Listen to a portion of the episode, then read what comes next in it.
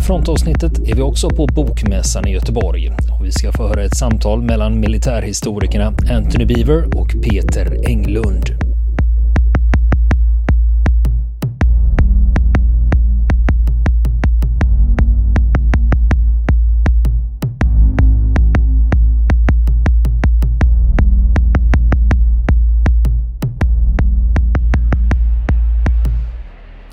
De flesta av er behövs ingen presentation av den brittiske författaren Anthony Beaver. Ni har antagligen läst någon eller flera av hans böcker. De har handlat om bland annat Stalingrad, Kreta, Berlin och nu senast Ardennerna. Peter Englund håller ju på att ge ut böcker om första världskriget i serien Stridens skönhet och sorg. Hittills har han tagit sig an åren 1914, 1915 och 1916. Och just boken om 1916 ges ut nu i november så det blir en perfekt julklapp till er själva. Och det här samtalet som är inspelat på Bokmässan heter Två krig, två perspektiv och moderator är Görel Espelund. Right, welcome everyone to this seminar of the two world wars. Um, I'm delighted to have with me on stage two very renowned historians and author. Um, Antony Beevor, one of the leading military historians of our time and former officer in the, the British forces. And uh, Peter Englund, welcome very much, uh, Swedish historian, author and member of the Swedish Academy. Uh, my name is Görel Espelund and I'm a Swedish journalist. And uh, today we will be discussing two wars and two perspectives uh, and the different views that emerge uh, when you look close. And uh, take a wider view on the Great Wars. Uh, Antony, for some uh, years, uh, I think we said like more than two decades, you've been focusing on World War II.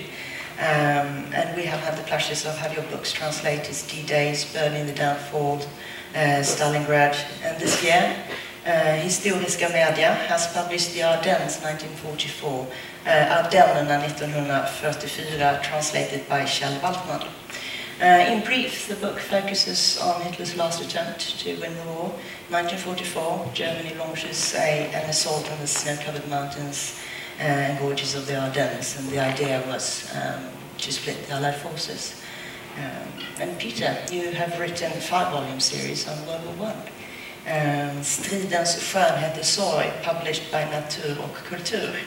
Um, and in these books, you, you are looking at the fates of single, often unknown people taking part of these wars in, in one way or the other. And um, you've also described this, this work as an experimental way of, of writing history and focus on the micro perspective rather than the big picture. Um, and so far we arrived 1915 in this version come out now. So let's talk about wars and perspectives.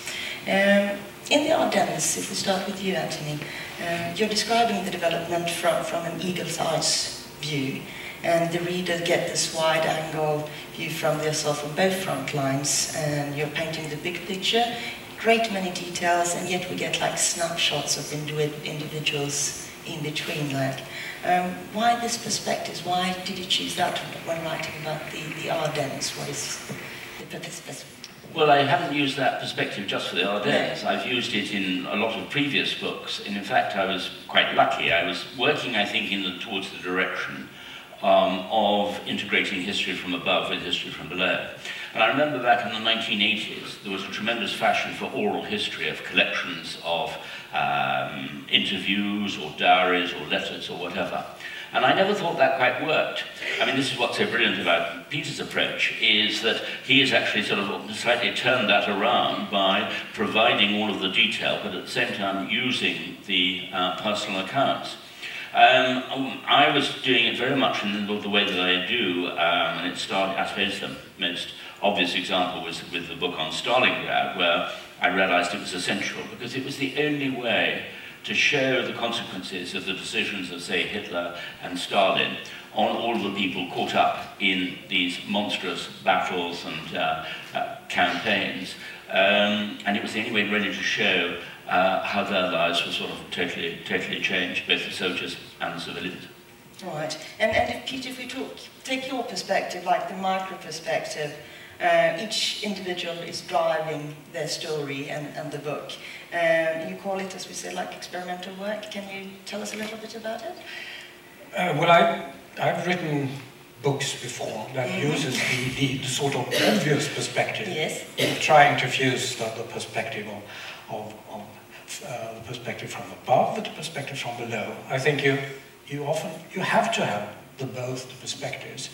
If you only have the perspective of, uh, of the above perspective, you get a, um, a history that explains things, but it's often rather abstract and cold. Uh, and if you only go from below, which I've actually done in this book, uh, they tend to be, you get, you get the, the individuals and you get the emotions and you get the color and so on, but it stays a bit, it's, um, the danger is that it doesn't make sense. So, uh, so I, have written some books trying to fuse these two perspectives, which I think is, is the, the, the best way to go, actually. But then, then again, it, it, was simply a way I wanted to experiment. What happens if you don't have a sort of overarching narrative that ties these uh, individual narratives together, but only have the individual narratives? Uh, is it still possible to get a sense of the big picture? Uh, it's a sort of, I liken it to, to a sort of pointillism, uh, you know, the, the way they, do the picture by only doing the colors. And if you step back, you see, okay, it is really a picture. If you're up close, you can't see it, but if, if you step back, you get the picture. So when I started doing this book, and, and the version that comes out now, it's, it's simply a, a sort of um, built-up version. It's an expanded version using a lot of extra material that I've been using in the foreign versions of the book. Um, I never knew if it actually would work because it, it, there is this, this, the big problem with, with history from below, that you, uh, as you say, you tend to see, lo lose the forest for all the trees. No, I think what's quite interesting is the way that actually history itself has changed. And uh, in the past, of course, history was written in rather in collective terms. Uh, was, there was very little emphasis on the individual. Um, and I remember sort of back in 1995, it's the 50th anniversary of the end of the Second World War, and suddenly interest in the subject had started to collapse. But what one found was actually attitudes had simply changed. Um, people were much more interested, interested in the fate of the individual. And what was intriguing was one remembers the period, the sort of great debate over, say, Mrs. Thatcher and Thatcherism and so forth, um, and her emphasis on individualism. All she was doing, in fact, was accelerating a process because we saw, with the collapse of the Soviet Union, with the introduction of the internet, with Big Bang and globalization and all the things which came together, um, suddenly the um, emphasis had moved from the collective to the individual. And um, this actually was something which needed to be responded to in history. I didn't realize that that was happening at the time. It was only afterwards that one became aware of it. Do, do you agree? Well, I agree. Um, but in the sense, I think there is also a sort of mechanism in time. Uh, there is a sort of perspective built into time that, that is about uh, the distance between an event and, and the people trying to understand or looking upon the event. Uh, say, directly after the First World War, directly after the Second World War, then you can see evidently people, if they wanted some history written, it was history from above. Because everybody knew, of course, what it was like. No one needed to be reminded what it was like, but they needed to know what, what, what have we experienced and why. So the, the, the call for the, the history from above is, is probably the most um, uh, spontaneous sort of writing history when something big and even traumatic has happened because you have to try and understand it from that above perspective. And everybody knows what it was like. No one wants to dwell on that one. They want to understand what the hell happened. But then again, when, when these things tend to go out of memory, and there are fewer and fewer survivors and eyewitnesses left, then we will have this sort of inevitable shift from uh, what, what happened to what it was like. Uh, and I, I, think that will, that will happen almost automatically when, when, uh, when the, the, survivors and so on, when they, when they uh, go out of time. And, and if we talk about the different challenges with, with these perspectives, mm -hmm. um, if, we make all this like the more traditional way of, of the macro perspective, what, what is the biggest challenge there, you think, Antony? Um, the biggest challenge obviously comes with the, with the sources, um, so that you can uh, provide the sort of detail which people need in what we are today, which is sort of post-military society, a health and safety environment, um, to understand what it was like to be involved in total warfare, even totalitarian warfare, uh, between Nazi Germany and the Soviet Union. Um, because, you know, I think for, certainly for young people today, it's, it's very, very hard to imagine. Peter was mentioning the fact that sort of everybody knew. I'm not sure I'm entirely convinced by that because um, soldiers didn't actually talk to their families about what they've been through, partly because they didn't want to disturb them so much, uh, except in rare cases. Um, they felt they could only talk with others who'd been through a similar experience. And one finds that in almost all wars, uh, even whether it was sort of the resistance groups or whatever, um, they could only really discuss it amongst themselves. And I don't think that there was quite such a wide... Uh, uh, they, had, they had images of what the mud and the trenches was like in the First World War, that's certainly, certainly true. Um, but they didn't, I don't think, have any real idea of sort of the day-to-day -day, uh, existence of soldiers. Well, that's, I think that's true, in, yes, in part, because that's a, a, recurring theme in, in both diaries and memoirs, the, the, the, gap of knowledge between the ones who were actually there and when they yes. came home and the, the incredulity they met when they tried to, to talk about it and often they didn't. So, yes. uh, but, I, but I still, it's a sort of, uh, something happens when a, a, a, big event, when it goes out of living memory. Mm. And I, I still think that, that one of the uh, shifts that happens is going from so simply try, from trying to explain it to trying to understand it, and also trying to understand it not as an event but as an experience, as an individual experience. And I, I think we, we, have seen that. We have seen that before. And, and the challenges with taking the micro perspective and, and focusing so much on, on individuals. I, I, would like to say firstly, as I, as I try to macro perspective myself, that's yeah. the trickiest one. That is, of course, the most difficult one mm -hmm. to, to uh, not least the pacing, going between these uh, different levels and knowing when to shift and not when to shift and so on. It's, it's, it's, that is the, probably one of the most difficult parts uh, writing history in any form. Going, uh, oscillating between these different levels, and often there are more than more than one level. Um, but when you write microhistory, if we should call it that, um, I think one of the one of the one of the real one of the one of the challenges for me was simply was not sort of finding experiences and finding eyewitnesses and so on. And that's of course true when you write macro history as well. But finding um, people um, that uh, gives a sort of very personal, a very personal uh, account of what happened.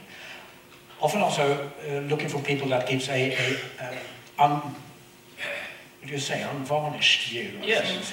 Um, but then again, trying to combine these different people, trying to find different people with different perspectives and trying to fuse them together.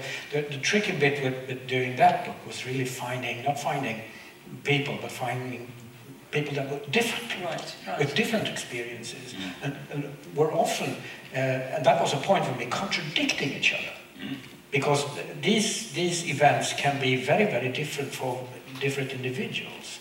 Um, so when I wrote the original book, that is six, seven years ago, I was never sure if it, it was going to work, right, because I think it's easy to uh, get confused and everything just turns into detail and nothing else. Nothing else. So, so uh, I think it's, uh, it's more difficult to write from the macro perspective, but it's probably more easier to, to fail with a micro, with a micro perspective.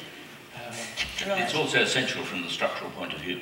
Uh, because otherwise you do not get that contrast between the, the above and the below, yeah. uh, which I certainly needed in the subjects that I was um, dealing with. And to a certain degree, when you're talking about frontline soldiers, which you need in, in yours.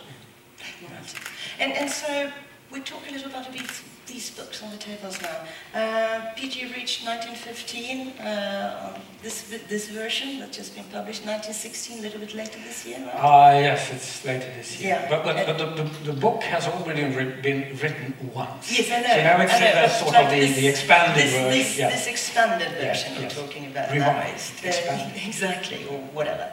Um, just give us brief, uh, I mean, these are brief points. Where, where exactly in the war are we? Can you just... 1916 is a sort of uh, the year of the last year of hope. Mhm. The last year when, when people are saying, well, we just might make this if we just put a sort of superhuman effort into this, we will be able to do it. Um, so it was a year of hope.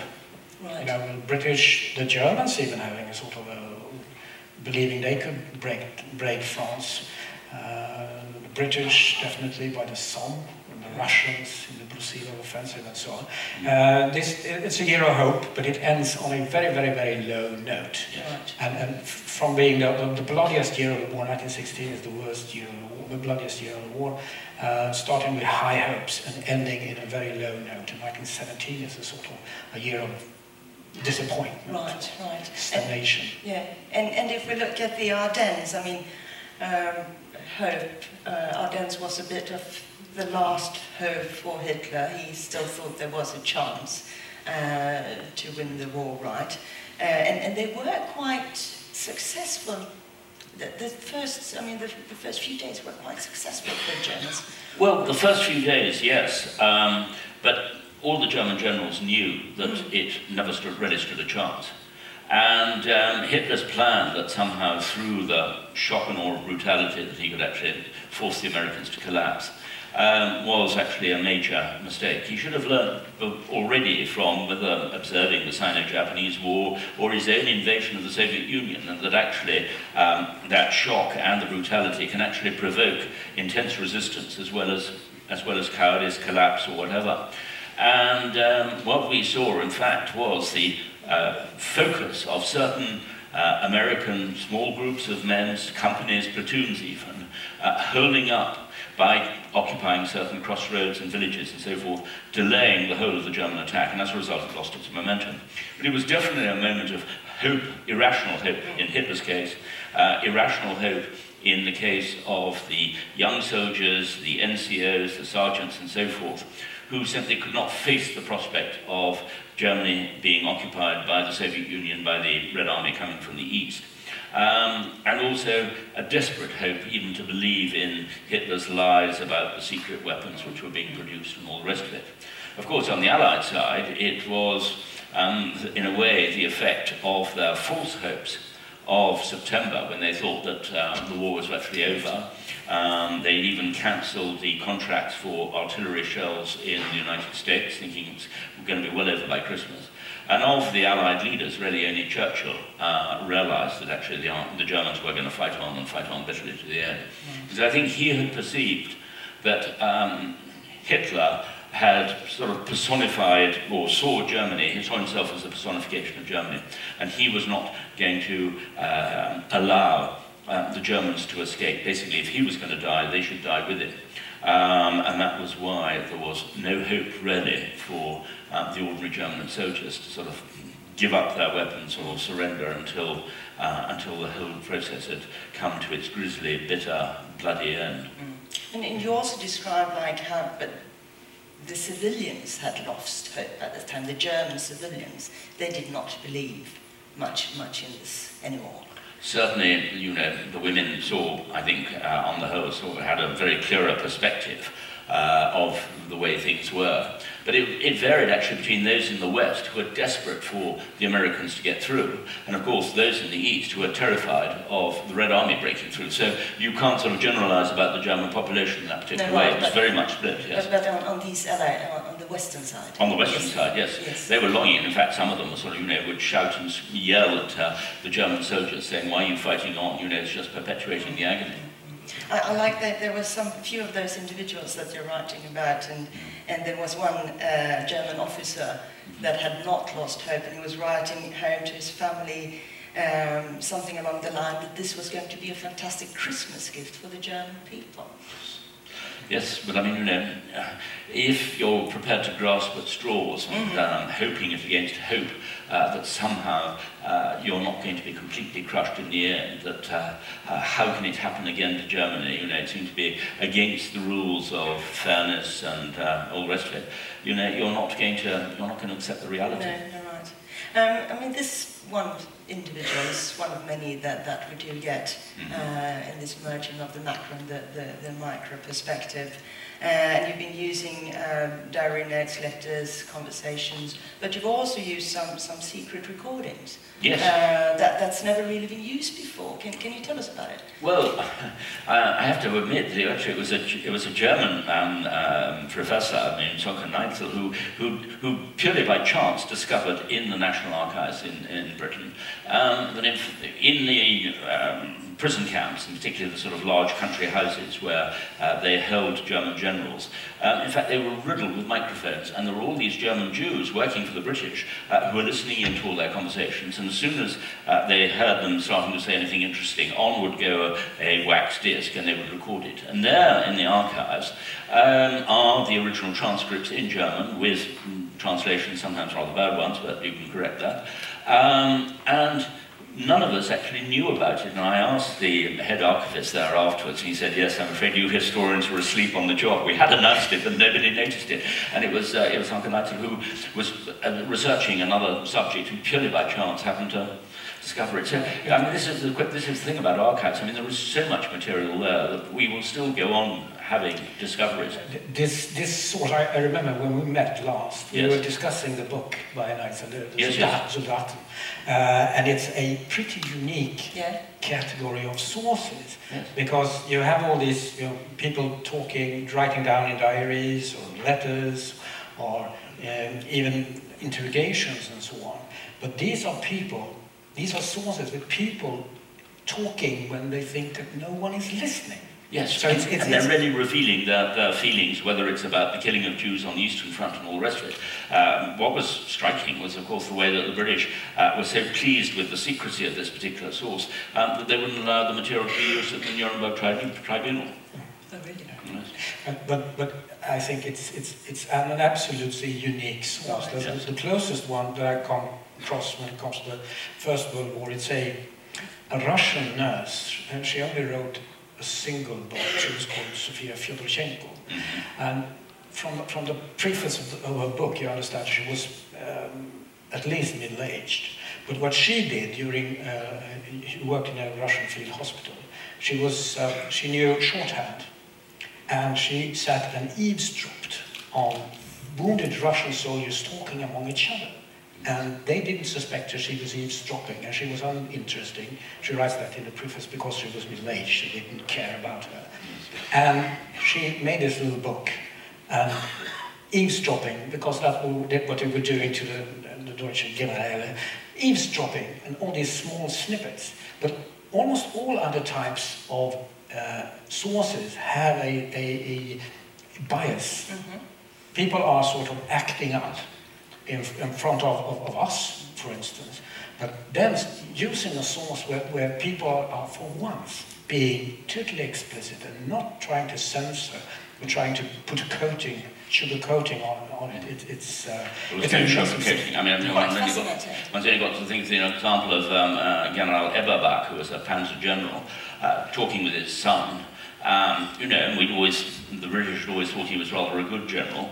Um, and then there's, there's this conversation with the son say, saying, well, of course we had to kill all the Jews. And the father saying that, you know, we didn't have to shoot surely the women and children. And the son, the son replying, um, yes, of course we did, because otherwise, you know, another generation would have come back to haunt us. Now, there you have it in absolute black and white, what they really, really believed. To say all of the post-war sort of denials about, oh, well, it's nothing to do with us, you know, it's entirely the SS and all the rest of it.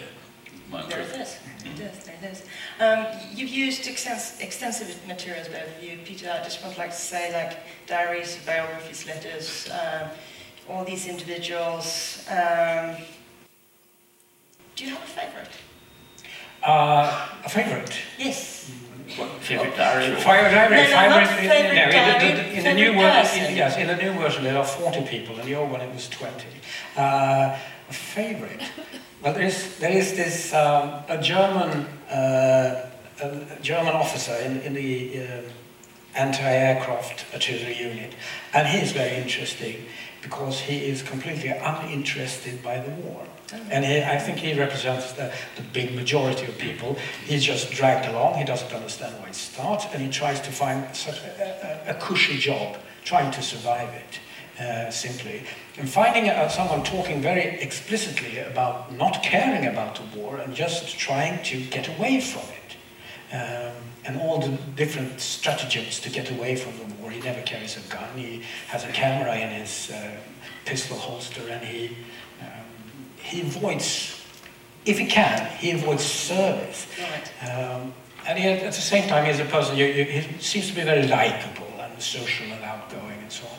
So you could relate to him very much. Uh, but eventually it gets worse and worse even for him. But, but finding those kind of, of people that are not, um, that, as I said, represent probably the, the, the, big majority of people, being dragged into something they are not at all interested in mm. and they want to get out of as quick as ever possible. The sources are, of course, dominated by people who, who uh, were, were active but finding these passive, very, really passive people, uh, I, found, I found that interesting. I was also thinking, was that some of that thing that maybe surprised you the most, astounded you when you looked into all these individuals and their view on the war? Is there anything that... Well, one interesting thing was uh, a person that was originally in the, in the English version of the book, uh, Sarah Macnaughtan, who, a Scotswoman, working, an aid worker, and uh, she eventually she dies in 1916. Uh, but she gets very, very surprised when the war starts, eventually gets very, very much engaged in it. And she was a writer herself, and she actually had a, she wrote a book about the first uh, war years when she was in Belgium and so on. It was published. It was the same year as she died. But I also have access to her diary. And the interesting thing that this, this woman, this small, frail woman, she toured the, the ammunition factories, was engaged in that world. So no more slacking, we must, we will lose this war, we must, you know, pull up, no more striking and so on.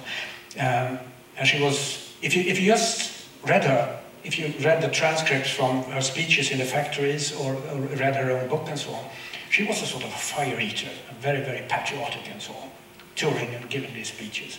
At the same time, when you look at her, her letters and her diary, she's slowly, she has two, two selves. She's slowly drifting apart. She is getting more and more skeptical. She can't resist an invitation to go to Russia. And she eventually ends up in Persia, where she gets very sick and she dies. But seeing this woman having a sort of a, one official person that is very, very much pro-war, and another unofficial, that's a persona, an unofficial person gets filled with more and more doubt. Mm. And, and you can see that sometimes when you, when you use different types of material. Even, you know, Vera Brittain, when you compare her, her brilliant book, mm-hmm. uh, The Testament of Youth, yes. with her own diaries and so on, you see she has shifted. Uh, and not it's not lies, but they started to do this sort of shifting of perspectives and saying, well, I've started to doubt the war. And you look in her diaries, she wasn't doubting it, not there. Mm. How interesting. And, and as a historian, is it, is it the case, can you actually have an opinion on the people that you are presenting, that you write about, uh, or must you always remain neutral and Nobody can ever be completely neutral or totally objective. I mean, this is actually the reason why you know the British believe that um, history is a branch of literature. Uh, it can never be scientific. It can never be tested in a laboratory or anything like that. Um, and I think that, that, I do think that's rather a sort of an important element of the way one approaches the whole subject. Um, but what I think is terribly important is the, the prime duty of the historian surely is to understand and then to convey that understanding. It should be up to the reader to make the moral judgments.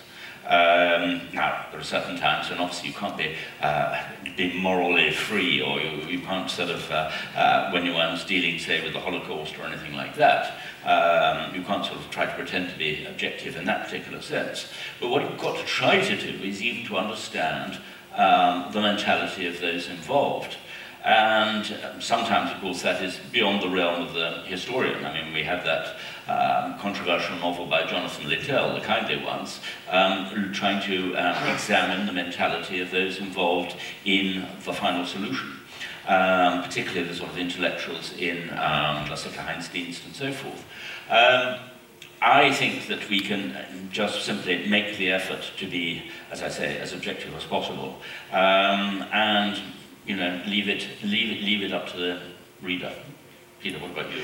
No, I think you, you, on the one hand, I, I, I, completely agree with you. You can't take too much. It, it's, you can't take too much space with your own reactions, and often, the, I would say, uh, the reader is quite intelligent and, and a sentient being, being capable of doing these judgments. Uh, that, that he or she can do them by herself. You don't have to do it explicitly all the time. It gets often very, very boring with an author who sort of butts in all the time and says, oh, isn't this awful? And oh, isn't this awful? Uh, but, but uh, then again, I, I, think there are some things you, as, as Antony said, you can't, you can't stay objective to it. But I think still under, uh, understanding is not exculpating. You try to understand from the inside how people are thinking, mm. and then you uh, that means that, that, that, their thinking can't be rational. Uh, for me, the, the, doing this book was also about seeing and not having it, doing it with a with a hindsight, knowing how it ends and so exactly. on. Trying to do it. What did they know then and there? And that can often make something that so with the hindsight, makes people very, very rational, mad even. How could it do this? They must have been mad. But if you, if you put yourselves in their clothes and put yourself in that perspective, with, with a limited knowledge, and that, irrespective if you talk of generals or, or of German housewives, if you talk about this limited perspective, limited information, then they are much more understandable. Peter's absolutely right to mention hindsight. I mean, one of the great corruptions today is the way that people feel obliged to try to impose 21st century or late 20th century morality and values on an earlier period. Um, and that actually can have grotesque effects, uh, and certainly corrupting ones. It's also, it's historically illiterate. Um, Norman Davies described it, described it as a sort of psychological anachronism. I think it even goes beyond that uh, in a sense. And I think this is something we have got to do, i.e. you've got to understand what the period was like, what people's mentality was, um, rather than trying to, as I say, impose, impose moral judgments in, in retrospect. And, and how do you do that? I mean, we are living in our time, and how do we not impose our morals or, or well, I think that certainly the job of the historian exactly. is, is, is, is, to explain what attitudes were at the time and to encourage the reader to judge it in those terms um, rather than what they may see. I mean, when one thinks about, uh, obviously in the Ardennes, the shooting of prisoners and so forth, of course today we will be absolutely, are absolutely horrified and shocked. But what I was struck by was that when going through the American archives, uh, going through the combat experience reports when soldiers and officers were interviewed uh, by young historians in, in uniform um, after they came out of battle and so forth. Um, they were talking quite openly about the shooting of prisoners. They didn't actually see that as see it as, as that wrong. Right. Now, so you've got to understand that before one gets terribly excited morally yeah, in yeah. retrospect. Because I mean, you are writing about, you're also writing very explicitly about the German Joachim Peiper, Yes, Peiper, yeah, Peiper. Um, and but also mentioning that that he killed. I mean, there was a lot of executions, mm. uh, but also made by the Americans, and that has not really been talked about. No, because I think what one's found, certainly in the United States, is largely a result of the Vietnam War, which was such a moral quagmire for the Americans. There came this sort of reinforced feeling that the wartime generation should be worshipped. This was the greatest generation and so forth. And there was both um, a sort of almost a sentimentalization um, of the American fight in the Second World War. And as a result, any American historian um, who basically rocks the boat or starts to come up with too much detail about, uh, which is, say, uh, controversial or uh, um, is, is not respectful, if you like, of that generation, um, there is a form of commercial censorship. I mean, publishers will simply not, not touch it. Right, right. Okay, go, going back to, to individual stories and, and the way of, we now call it micro-history, uh, why not? whatever, why not? Um, I mean, that, that's the individual story is often something more that, that may be uh, left for, for fiction novels, not histories written by, by historians. Um, what have the reactions from other historians been? Ah, that you have to ask our historians. no, it, it, uh, it, it is a sort of, the, the, the, that way of telling a story is novel, yes. Uh, it, it is a new, a pretty new way to do it. Uh, but I, as I still try to do it in a, in a, it's in a historian's manner, but I sort of shortened the perspective. I focused it on, on the individuals and on individual days still I'm trying to, to do my best to ascertain that the story is correct, what happened here, trying to find out what the weather was really like and so on and so on. So it's, it's um, I think among historians there is a, a bigger um, sense of tolerance nowadays because as Antony mentioned, it, it, sort of started a shift during the 80s uh, when, it when, it comes to history writing, and it has been a, a really big one. So it's, uh, if we say for 50 years ago, I think my book should, wouldn't have been tolerated on those grounds. It was, it was a much more narrow definition of what history was and what kinds of sources you were allowed to use and what questions you could put to, to the material. Do, do you agree, Antony? Yeah, absolutely, I agree with that. I mean, I think that it's eh, rather striking the way that in Germany, um, the attitude, very much the German sort of academic approach to history, uh, of sort of, you know, thesis, proving your thesis and all the rest of it, and sort of um, strictly uh, analytical. Um, it's very striking the way that that has sort of grown away entirely from the whole tradition of Ranke and uh, uh, the earlier version of um, German history, historiography. Um, and in fact, I mean, Ranke, in fact, was much sort of closer to, uh, in a way, the British tradition, which went all the way back to Gibbon in the 18th century, which was uh, more of understanding both the big and the small, um, and being able to recreate the past uh, so that people could understand it. Now, you don't see that very much in so much in, in, in German history, which sort of still believes somehow that it's a sort of scientific uh, approach. Um, but in England, we've never had that sort of split between, say, the academic approach or, uh, or anybody else's. And I think that's probably why, um, certainly, nobody, I don't think anybody in England um, or any historians in England would have been quite, uh, criticizing your approach, were they? I can't imagine it. Um, uh, but anyway, well, I'll ask one or two, like sort of, and then seeing Margaret MacMillan soon, and I'll, I'll see what uh, she has she has to say. and, and after having, I mean, we said more than two decades of writing World War II. Uh, have your perspective changed of how to write about history? Or do you do you feel that you have your perspective changed in, in your books? Well, perspective has always, um, I think, changed slightly, but I think I don't think it's changed a huge amount since it changed than the first time, mm. really, uh, with the writing, say, of Stalingrad. I mean, it was already working, as I said, in that direction. And um, and for me, I think that is the best way of uh, getting, getting it across. Um, but I love um, Peter's approach. Um, I remember when I sort of, that in fact, when I read your, the 1914 um, uh, book, uh, being slightly shocked at first that sort of, you know, this wasn't oral history as we knew it. Um, this was a totally different approach because he was really rewriting what people uh, had experienced and knew at the time. But in fact, it was a much more effective way um, of getting across uh, the reality of, of the moment without corrupting what they were what they were saying. And so I sort of thought, ah, well, this is uh, this is very original. Was it tempting for you as well to get into that? Not exactly, no, because I'm, I'm afraid I'm still sort of linked to that sort of top-down, right. uh, top-down, bottom-up approach and the integrating, integrating the two. Um, because that was actually what I felt was wrong about oral history during that period of the 1980s. I mean, there were only two really successful books um, of that sort, the Studs Terkel, The Good War, and of course Ronald Fraser's The Blood of Spain about the uh, Spanish Civil War. Um, but um, no, I think that um, I think Peter has opened a, a, different avenue, and um, may, he, may he take it on for a long distance. um, we have a couple of minutes left, and I also want to talk a little bit about, about writing history that could be quite provocative. Um, Berlin has been banned in Russia lately. Uh, I any think comments on that? I think it's horrifying when one sees governments interfering in the writing of history. I mean, I'm totally opposed to uh, Holocaust denial legislation. You've only got to see what happened, say, with David Irving. You know, he was imprisoned in Austria and immediately tried to portray himself as sort of uh, like Hitler in Landsberg prison and as a, as a martyr. Um, it was far more effective when in London uh, you had Deborah Lipstadt and Richard uh, Evans sort of tearing into pieces uh, historically um, rather than literally um, in the witness box.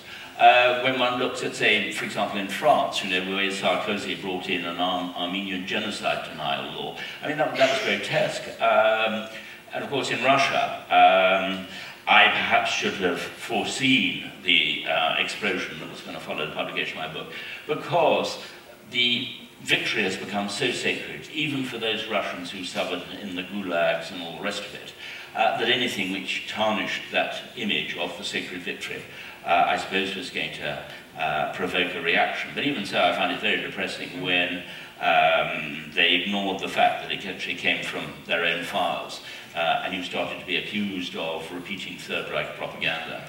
Um, you know, but I'm afraid that uh, the, the whole question of national history, and particularly wartime history, which forms national legends more than any other uh, part of a, a, nation's experience, um, is always going to be, I suppose, uh, a touchy, a touchy area, and particularly the way that it uh, also tempts um, governments to intervene. I mean, I was very struck in Australia when uh, I arrived slightly jet lagged, um, a few years ago for a conference at the Australian War Memorial, and um, a journalist from the Sydney Morning Herald sort of interviewed me, and what do you think about the Japanese invasion of Australia? And I said, what do you mean? There, was no Japanese Australia, um, invasion of Australia. I mean, you know, they didn't even seriously consider one. And then I was horrified to see next day sort of headline saying, uh, Beevor denies Japanese invasion of Australia. and I arrived at the conference, and thank God, all the Australians, I thought, well, maybe I missed out on something, you know, one always has that awful moment. Um, and um, all the Australian historians sort of said, no, you were quite right. It was these, um, some you know, prime minister who'd uh, tried to get hold of the vote of the um, wartime generation by sort of trying to say they saved us from Japanese invasion and all the rest of it. But I'm afraid that's a problem. Yeah. Right. Um, fascination with, with wars, and especially in, in Sweden with World War II. I mean, the, the books being published about World War II never seems to end. I mean, we have a tremendous amount of literature. Um, but in, in Sweden, there has been very little published about World War I, actually, up until the, the centenary of, of the outbreak of the war. Um, why do you think, Peter? Is that because of the time lapse, or...? I don't, I really don't know. Sweden didn't participate either in the First or Second World War, no. Of course, as you all know. I, I, would say, I, I think a part of the explanation is probably that the Second World War was a better story it's, it's, a, it's an easier, more clear-cut story because you know really who the bad guys are. And the morality of that story is also uh, um, clear-cut, I would say. No one, no, no one in her right mind uh, can doubt what that was all about uh, and what was, was at stake. The First World War is more, much more difficult. Mm. It's much more difficult from a more moral and sort of political perspective. I, I, I used to say that, that uh, the Second World War was, was, was a melodrama, while the First World War is a tragedy. And melodramas are better stories. Tragedies are, are, are darker stories and with no clear cut who, who is the hero here. And, and in, in, England, is it the same, or do you have lots of publications on, on the First World War, I assume? Oh yes, there's been um, a, a, huge number. Um, one wonders whether, uh, particularly if you like, the press coverage became so huge that sort of people then started to react slightly against it. But uh, no, on the whole, I think that uh, the interest wasn't there for a long, quite a long time, or at least it had dropped away. Um, and it wasn't until, you know, Sebastian Faulks published uh, Birdsong, and that sort of struck a, struck a nerve, and people began to get a great interest. And it's interesting, you know, that it should be a novel rather than anything else, which actually um, triggered the interest at that particular stage. But, um, no, of course, the Second World War is the uh, is the one which fascinates people, but it's also a danger because it's sort of a dominant reference point for every crisis and conflict. Uh, and politicians immediately try to seize upon it, as we saw Eden over Suez, um, George Bush trying to compare 9-11 to Pearl Harbor, which was disastrous, of course. And uh, Iraq 2003, and Iraq, what would Saddam be France 1944. We used to ride in and we cheer that. Well, one can go on, I mean the list is, but it should be a lesson to us all, do not make historical comparisons because they are very misleading. Right, right. Um, soon ending on that note, but just first, are, are there any new books in the pipeline, I think? Well, you can't stop. I mean, No, it's like that's what I'm saying. I mean, you said it is the best story, right? Yes, yes, yes. No, um, the next one, um, and the next one actually is going to be Arnhem because I had actually written a chapter and a half about the parachute operation into Holland, uh, which failed so spectacularly. Uh, and um, I included it at the start of this book, and I realised that actually it was a waste of um, a fantastic story and a, uh, shall we say, a lesson about, um, if you like, stupidity and warfare, and um, decided to pull it out. Uh, one of the great titles actually is um, uh, Norman Dixon's book on the psychology of military incompetence. So it's a, it's a wonderful book. Right. And, and Peter, you are leaving this genre now, or you? Uh, no, uh, well, the, the, this series of books, it's, it's, pract- it's written. Yes. Uh, so I'm, I'm now, I don't know, I'm, perhaps I will go back to my small book on the cultural history of snow. right. A new perspective, new books. Snow, a short history. That would be the That sounds fantastic. We are looking forward to those. Uh, we will have signing of books downstairs. That's correct. Um, so Peter and Antony, you can meet them downstairs from the escalator. They will be signing books. And uh, I'm just going to thank you so much for coming. Thank you, Peter. Thank, you, Antony. It was a pleasure having you. Pengarna.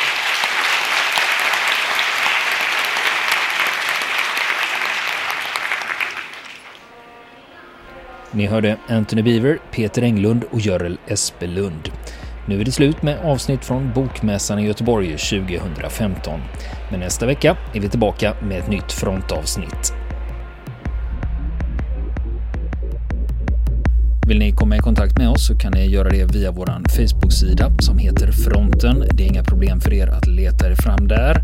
Eller också så mejlar ni på vår mejladress och det är frontenpodcast@gmail.com.